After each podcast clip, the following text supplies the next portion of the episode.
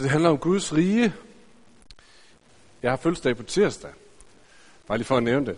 Nej, det var egentlig for at sige, at øh, i, i den her uge, så kom jeg hjem en dag fra arbejde, og øh, så kom min øh, lille pige på halvandet, Nelly, som nogle af jer har set rende rundt heroppe. Øh, hun har ikke så meget sprog endnu, men hun kom løbende. Hun var meget passioneret, meget engageret, da hun så mig og løb hen og sagde, far, far, gave! Og så tog hun mig i hånden, og så trak hun mig ind på soveværelset og hen til klædeskabet, og jeg skulle åbne det her skab, og så nåede Marie, min kone, lige at få bremset mig. Nej, stop, stop, stop. Jeg har købt din fødselsdagsgave, og den ligger inde i det skab. Men Nelly havde fattet, der var noget der. Der var en gave, og den var til far, og den skulle jeg bare have nu. Og jeg tænker, det er meget fint, det skal vi holde fast i, for der går måske to år, så vil hun sige, gave, er det til mig? Fedt. Men øh, det skal ikke handle så meget om gave i dag, men det skal alligevel handle om det her med, øh, at der er noget, vi længes efter. Der er en virkelighed, som vi kan gribe. Der er noget, som vi har brug for, som vi længes efter. Og det er det, vi skal snakke om. Og hvordan får vi fat i det? Og jeg tror faktisk, øh, jeg tror faktisk, der, der, der er mange altså, der er meget i kulturen af det her med at gå og, og vente på noget, eller gå og længes efter noget, at tingene skal blive anderledes.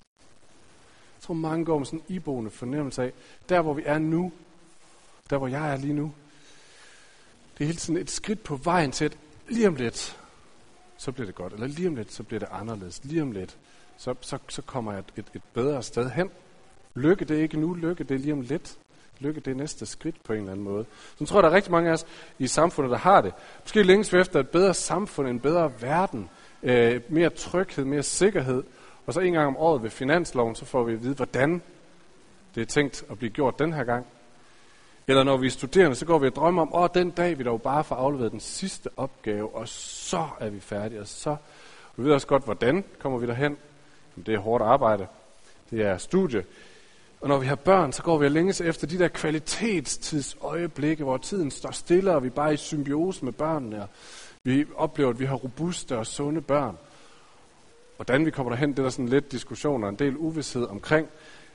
Nogle gange så tror jeg bare, at mange af os længes efter bare at komme væk. Bare forsvinde, komme væk, og så begynder vi enten at planlægge en ferie, eller også øh, tjekker vi bankbogen og kigger, hvor mange penge der er, eller også så er der nogen, som begiver sig ud i, i en eller anden form for religion, fordi der, der er nogle løfter omkring noget indre fred og noget, hvis vi bare øh, opfylder nogle åndelige øvelser, eller sådan et eller andet. Jeg tror, mange af os går med den her venten, den her længsel efter. På et tidspunkt, så, så sker der noget andet, og så bliver det bedre. Overvej lige et øjeblik. Hvad er det egentlig, du går og længes efter?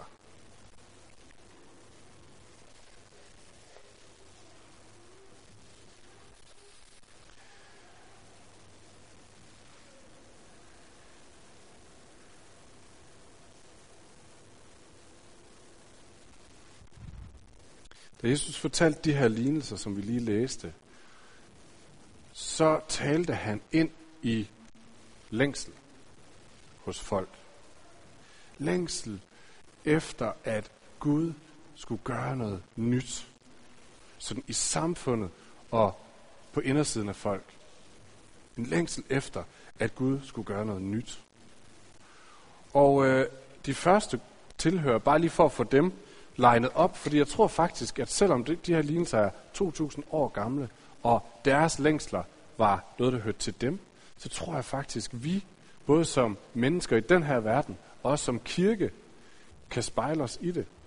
Og det kan måske være med til at sætte sprog på, øh, hvordan vi lever i den virkelighed, vi lever i. Så, så bare lige for at gøre det skarpt, så skal vi lige starte med at se på, hvad var det, de længtes efter. Det var den her lille gruppe, så hans disciple øh, og folk omkring ham, jøder, der hørte det, og de tilhørte det her lille bitte folkeslag. Altså virkelig et, et lille bitte folkeslag i et lille bitte land langt nede i Mellemøsten. Og i rigtig mange generationer, så havde det her lille bitte folk levet med det her løfte, eller det her kald over sig. At Gud på et tidspunkt, himlens og jordens skaber, universets herre, på et eller andet tidspunkt havde kigget på dem, lille folk, og sagt, ja, tager jeg til side. I er et helt særligt folk, ud af alle verdens lande, ud af alle verdens mennesker, vælger jeg jer. Og jer vil jeg velsigne. Jeg vil sørge for jer. Jeg vil give jer det, I har brug for. I behøver ikke bekymre jer, fordi jeg har skabt det hele. Jeg har alle ressourcer. Jeg vil sørge for jer. Og han kaldte det mærkelige ting som i mine børn, i mine elskede, i mine dyrebare. Og så sagde han, jeg vil lede jer til frihed. Jeg vil lede jer til overflod. Og noget af sproget, der er brugt, er også, at, at, at, at de tænker, eller at Gud siger, jeg er jeres konge, og I er mit, i mit rige. Og nogle gange i det gamle testamente, så er det her med rige, men det er sådan et bestemt sted. De skal have et fysisk sted. Men andre gange, så er det mere forstået som, I er det sted, hvor min vilje sker. Der, hvor tingene sker efter mit hjerte. Sådan som jeg havde forestillet mig, at det hele skulle være, da jeg skabte det. Og øh, det længtes, det her folk, det var mange generationer siden, men de længtes efter, at det skulle blive tydeligt. At de skulle få lov til at opleve det. Og så, så har han også sagt noget andet. Han har sagt, på en eller anden mærkelig måde, så skulle Gud bruge det her folk til at være en velsignelse ud i hele verden. Alle verdens lande skulle velsignes igennem det her folk. Og jeg forestiller mig, at det har været en lille smule, altså de her jøder på Jesu tid, det har været en lille smule ligesom hvis man forestiller sig, at man sidder hos sin bedstemor. Hun ligger på dødslejet. Og så lige inden hun dør, så får hun lige trukket dig til side. Og så får hun sådan halvt visket ind i dit øre. Du bliver noget stort en dag, min ven. Og så dør hun, og så tænker man, what? Altså, hvad skal, øh, ja, tak måske. Men jeg kan ikke lige se, hvordan jeg skulle blive noget stort. Og øh, jeg tror, de her jøder, de har haft det på samme måde. Okay, Gud vil velsigne os. Han vil sørge for os. Okay, det længes vi efter. Det vil vi gerne prøve at gribe. Vi skal være en velsignelse i den her verden. Okay, det er rimelig svært at forestille os. De var et lille, bitte folk. De var undertrykt. Deres historie var også en lang historie, at der konstant kom udenlandske øh, hvad hedder sådan noget, imperiemagter og erobrede deres land og, øh, og undertrykte dem og holdt dem nede og sørgede for, at de ikke skulle kunne øh, vise sig eller tænke sig som et folk. Hvordan skal vi være med til at velsigne den her verden? Jeg kan slet ikke lige forstå, kan jeg ikke forestille mig. Så tror jeg, at de har gået og tænkt.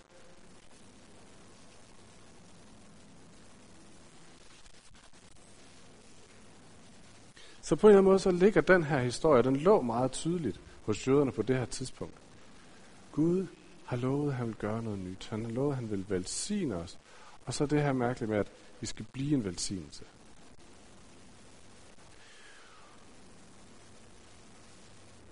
Og jeg tænker, uanset om du har været en del af den her kirke længe, eller du ikke har, om du kender Gud eller ikke kender Gud, så er der noget i det her, som jeg tror ringer nogle klokker. Okay, Gud han vil lade der ske noget nyt. Der skal, der skal være noget, der falder på plads. Der skal blive sørget for mine behov. Det, jeg har brug for. Øh, det, det skal der falde ro omkring på en eller anden måde. Og dem, der plejer at komme her i kirken, ved, at vi prøver også at holde det her højt med at sige, Gud han har, han har udvalgt os, fordi han vil bruge os til at velsigne den her by, og den her ø, og det her land. Og hvis jeg har det som mig, så er det meget nemt at stå herinde og sige det. Men lige snart man kommer ud af døren, så kigger man sig omkring og siger, der er godt nok mange hus her.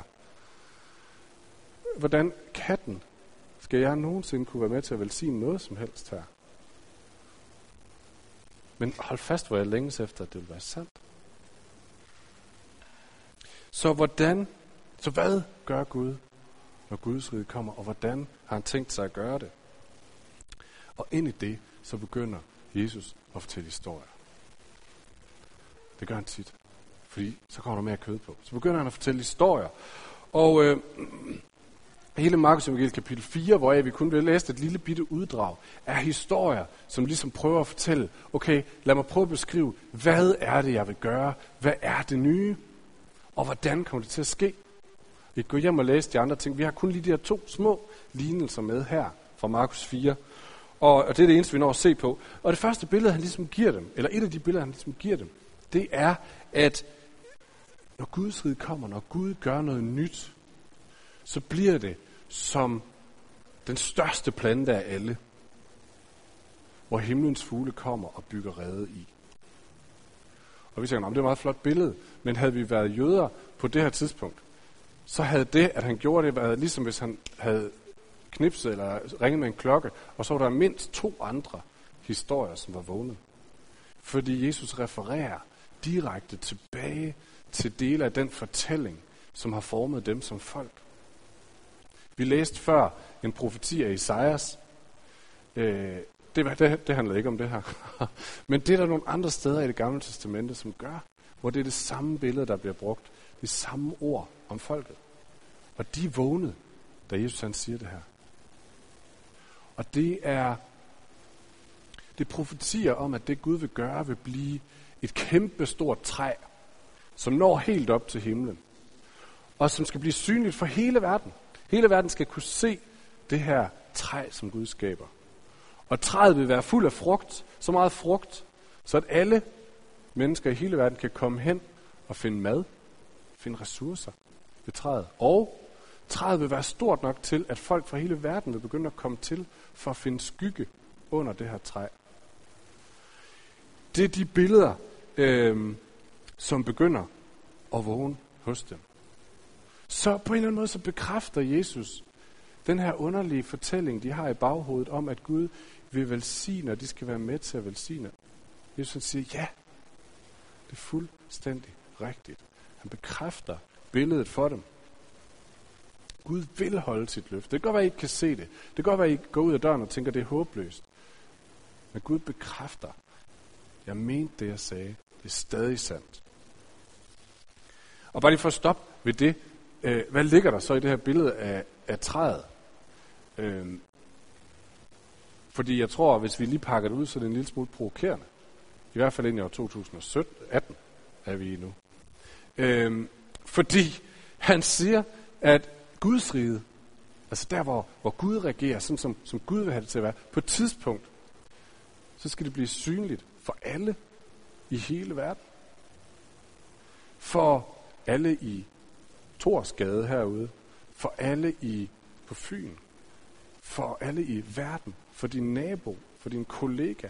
På et tidspunkt, så kommer Guds rige, så kommer det, han er, og det, han skaber, til at blive synligt for alle.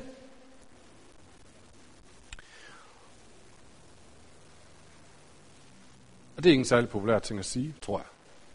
Altså, vi lever i en verden, hvor man siger, Nå, men det er cool nok. Hvis, altså, hvis det er godt for dig, så er det fint. Men det har ikke noget med mig at gøre. Og jeg tror, mange af os har lavet bare ind på den tanke, at altså, jo, jeg ved måske godt principielt, at der står i Bibelen, at det er noget, der har med hele verden at gøre, men jeg er faktisk lige lidt svært ved sådan lige at, at, at turde lægge navn til det, eller lægge, øh, lægge ryg til det. Men det er det, Jesus han siger. Han siger, når mit rige træder endeligt igennem, så kommer det til at være tydeligt for alle. Og er det provokerende? Ja, det er det måske. Men det er det faktisk ikke, hvis man sådan lige lægger, øh, lægger mærke til de to næste ting, han siger om det her træ. Fordi han siger, som jeg lige sagde før, at alle folk vil komme til det her træ, fordi at i det træ, der er der frugter nok til, at alle kan få noget at spise. Der er rigeligt til alle, der kommer. Og øh, jeg synes måske, det er den modsatte historie af den historie eller fortælling, som tit er i samfundet. Jeg synes tit, jeg møder en fortælling, der siger, at der, der er faktisk ikke helt nok. Øh, så vi har, ikke, vi har ikke helt nok, så vi er nødt til at lukke vores grænser og bygge en mur. For der skal altså lige være nok til os. Der er, ikke, der er ikke helt nok. Eller vi er nødt til at lave kvoter på optaget til studiet. Fordi der er ikke pladser nok til alle. Eller vi bliver nødt til at lave en begrænsning for dagpenge til kronisk syge, fordi ellers er der jo ikke, der er ikke nok til os andre. Så det er en retorik om, om hvad hedder sådan noget, øh, scarcity, hvad hedder det på dansk? Vi har ikke nok, der er for lidt, øh, der er begrænsede midler. Og jeg vil ønske, at vi engang at vi vil forlade den her grundlæggende tanke om, at mennesker dybest set kan gøre den her verden til et bedre sted. Vi har haft mange tusind år til det, og jeg synes ikke, det går bedre.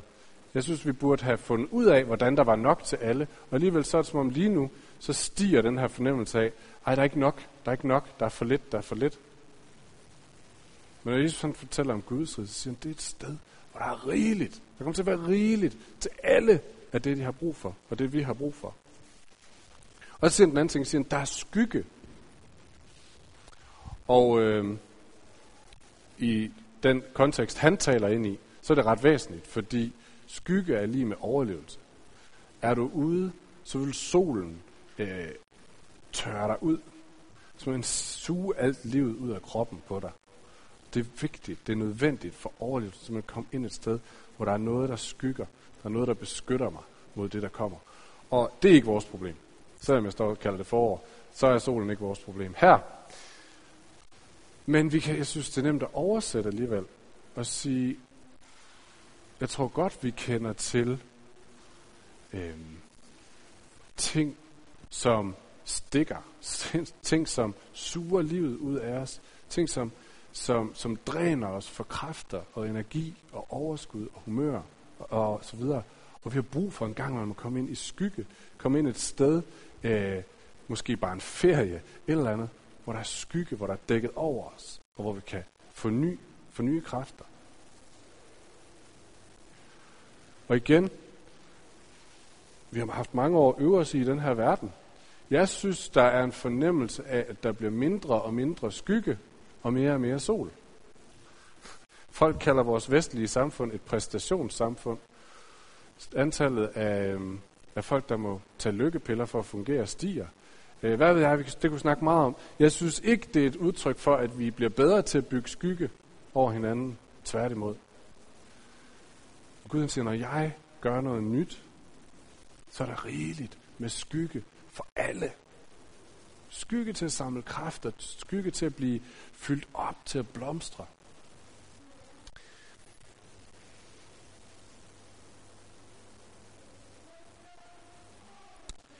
Så når Jesus han taler om, hvad er det her Guds rige noget?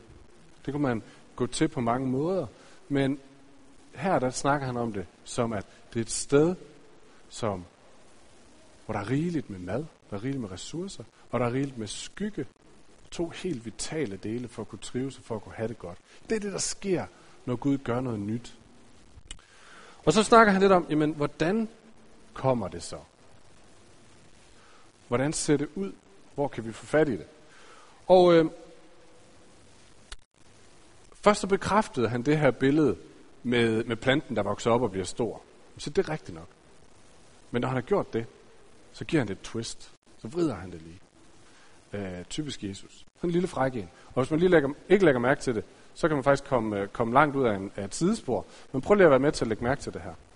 I det gamle testament, der, sagde det, der, der stod der, det skal blive et træ, som når helt til himlen. Og mange tænker, okay, når Gud gør noget, så får vi noget stort, noget flot, noget velplejet, som bare er noget, folk kigger på. Det er glorværdigt, det er virkelig smukt, som, som templet beskrevet i det gamle testamente, som er fuld af guld og delfinskin og alt muligt andet. Øh, og vi kigger os omkring og tænker, wow, det bliver flot, men det er ikke det, han snakker om her. Han siger, Guds rige, det er ligesom et sennepsfrø. Og et sennepsfrø, øh, som vokser op, bliver ikke et stort træ. Nej, fordi sennep er ikke et, et træ, sennep er en ukrudtsplante. Det er lidt frækt, ikke? det er en ukrudtsplante, som har den øh, fede egenskab, som ukrudt har, at den spreder sig fuldstændig håbløst alle steder hen. Lige snart den finder et hul, lige snart den finder en vind, lige snart den finder et, en, en revne et eller andet sted, så kravler den ind, og så spreder den sig, og så vokser den op nye steder. Og så bliver den sådan et kæmpe krat, hvor dyr kan bo inde i, og så videre, som Jesus han beskriver det.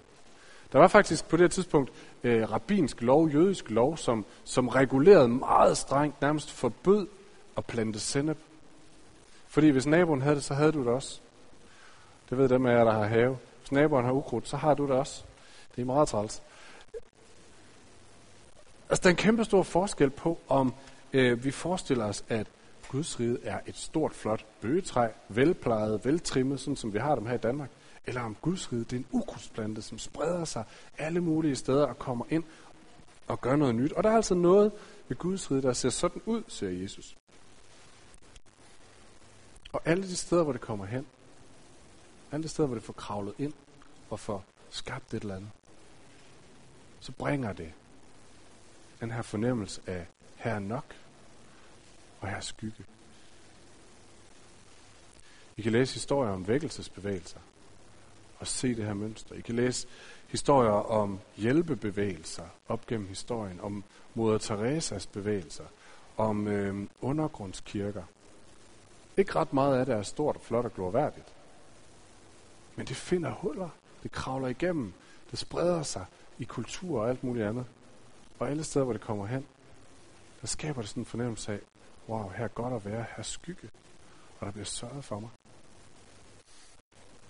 Så er der den anden ting, som Jesus fortæller, eller han fortæller mere om, og det er det her med, hvordan øh, kommer det. Og jeg tror, det er det mindst lige så vigtige pointe. Jeg tror måske, det er den realisme, som vi øh, nogle gange skal gribe, selvom det kan være svært. Og det er, at Jesus han siger, rigtig meget i Guds rige ligner, eller i meget lang tid ligner det, et frø, der er begravet under en masse jord. Jeg vil gerne have et flot dansk bøgetræ. Jesus han siger, det ligner et frø, der er begravet under noget jord. Det første gang, jeg tror, at Jesus han sagde det her om sig selv. Øh, folk længtes efter det her Guds rige, og Jesus han kommer og siger, Guds rige er kommet nær, jeg, jeg bærer Guds rige. Og så kigger de på ham og siger, well, du er tømmerens søn fra nabobyen, og du hænger ud med mystiske mennesker. Ah, det var ikke lige det, vi havde forestillet os. Og Jesus han siger, hey, hey, hey, undervurder mig ikke, for Guds rige ligner et lille bitte, bitte frø, som er plantet i jorden. Rigtig meget af tiden. Måske tænker vi også om Jesu karriere som sådan lidt glorværdig. Han gik rundt måske sådan lidt uh, nonchalant og lavede flotte ting. Men rigtig meget af tiden, så har det været, så har det været lange gåture på støvede veje. Det har været skænderier med myndighedspersoner. Det har været toiletbesøg. Det har været søvn og alt muligt andet. Det har ikke været særligt. Det har været Jesu, en af Jesu disciple, Judas fra inderkredsen, som har været med i tre år, ender med at forlade ham. For det har skuffet. Det var ikke særlig flot, det her. Det var ikke særlig gloværdigt. Det var ikke blevet det, var ikke blevet det han havde forventet. Fordi der er noget ved Guds rige, som ligner et lille bitte sandhedsfrø, som er blevet puttet ned i jorden, som vi bare går og venter på. Og nu vil jeg ikke bede om at række hænderne op, men alligevel, hvor mange af jer har kastet ind i et eller andet gudsrige arbejde? En cellegruppe, en bibelstudiegruppe, en klynge, øh, eller noget af den stil, og, og med stor passion og tænkte, ja, nu kommer der til at ske en hel masse, og så gik der 14 dage, og tænkte, det var lidt sjovt, var der ikke mere? Så jeg kan huske en gang, hvor jeg havde gået og samlet mod i 14 dage til at bede for en kollega på et arbejde, som havde dårlig ryg. Og endelig så fik jeg taget mig sammen og, og, og fik bedt for ham. Og, og så bagefter tænker jeg, var det det? Har der ikke noget mere? Nogle har måske været med til at plante den her menighed for syv år siden og tænkt, wow, nu kommer det til at ske noget vildt, og nu sidder jeg og tænker, hmm, var der ikke mere? Skulle vi ikke se nogle flere komme til tro, var? Skulle vi ikke, burde det ikke være 250 eller 300 til gudstjeneste nu, var? Øhm, burde alle i Odense ikke have, have læst om i sine nyhederne? Et eller andet. Og øh, en gang så tror jeg, at måske vi er lidt ligesom sådan nogle X-Factor-deltagere, som har siddet hjemme i sofaen i øh, 35 år, og så kommer de ud, og så tænker de, nu, nu opdager de mig, nu bliver jeg til noget. Øh, burde det ikke gå lidt hurtigere, det her? Men Jesus han siger med Guds rige, så er det bare i meget lang tid og meget ofte som en lille bitte ting, en lille bitte frø, som bliver begravet under noget jord. Og så går vi bare og venter. Og jeg tror, en, en af grunden er også, at øh, det her frø er der ikke for at pege på sig selv. Det er ikke, øh, det er ikke lagt i jorden for at sige, se mig. Det pusser ikke sin facade, det hæver sig ikke over andre. Øh, det, er ikke, det er ikke dets eget projekt, så at sige. Guds rige er på en eller anden måde helt igennem optaget af de andre.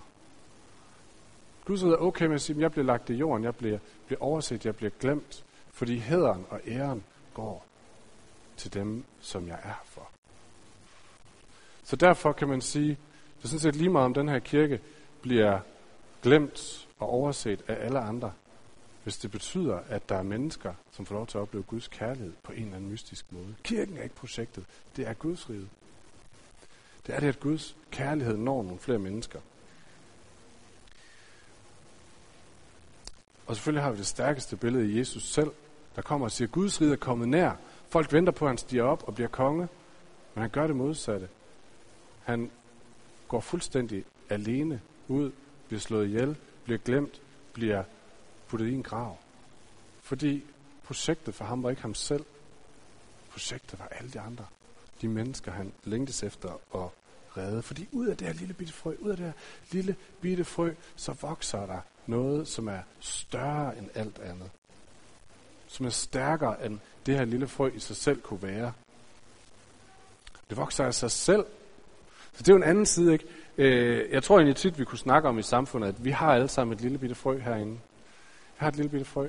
Hvis bare vi tager det rigtige valg og gør det rigtige hele vores liv igennem, så bliver jeg til en blomst en dag. Har I hørt den? Vores potentiale, ikke? Og hvis bare, vi har alle muligheder. Det siger Jesus sådan set ikke noget om. Øhm, og han siger, at Guds rige vokser af sig selv. Det græske ord er automate. Automatisk, er det ikke fedt? Så Guds rige er noget, der vokser i os alle sammen, og det vokser af sig selv. Det er ikke noget med mit potentiale at gøre.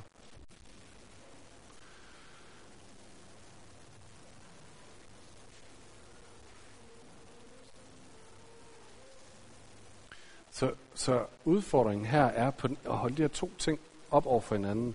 Billedet af træet eller af krattet, som kommer ind alle steder, som har revolutionerende magt til at eksplodere verden og bringe lys, eller hvad hedder det, bringe skygge, bringe mad, bringe hvile for alle. Jesus siger, det er sandt, det der kommer til at ske, det er det, der er ved at ske med mig. Hvordan ser det ud? Jamen, det ser ud som, at hver eneste lille gudsrige frø lægger sig i jorden, lader sig dø, vi venter og ser, hvad Gud han lader spire frem. Det er den spænding, vi står i, venner. Og, øh, og der slutter vi i dag og lader spændingen stå.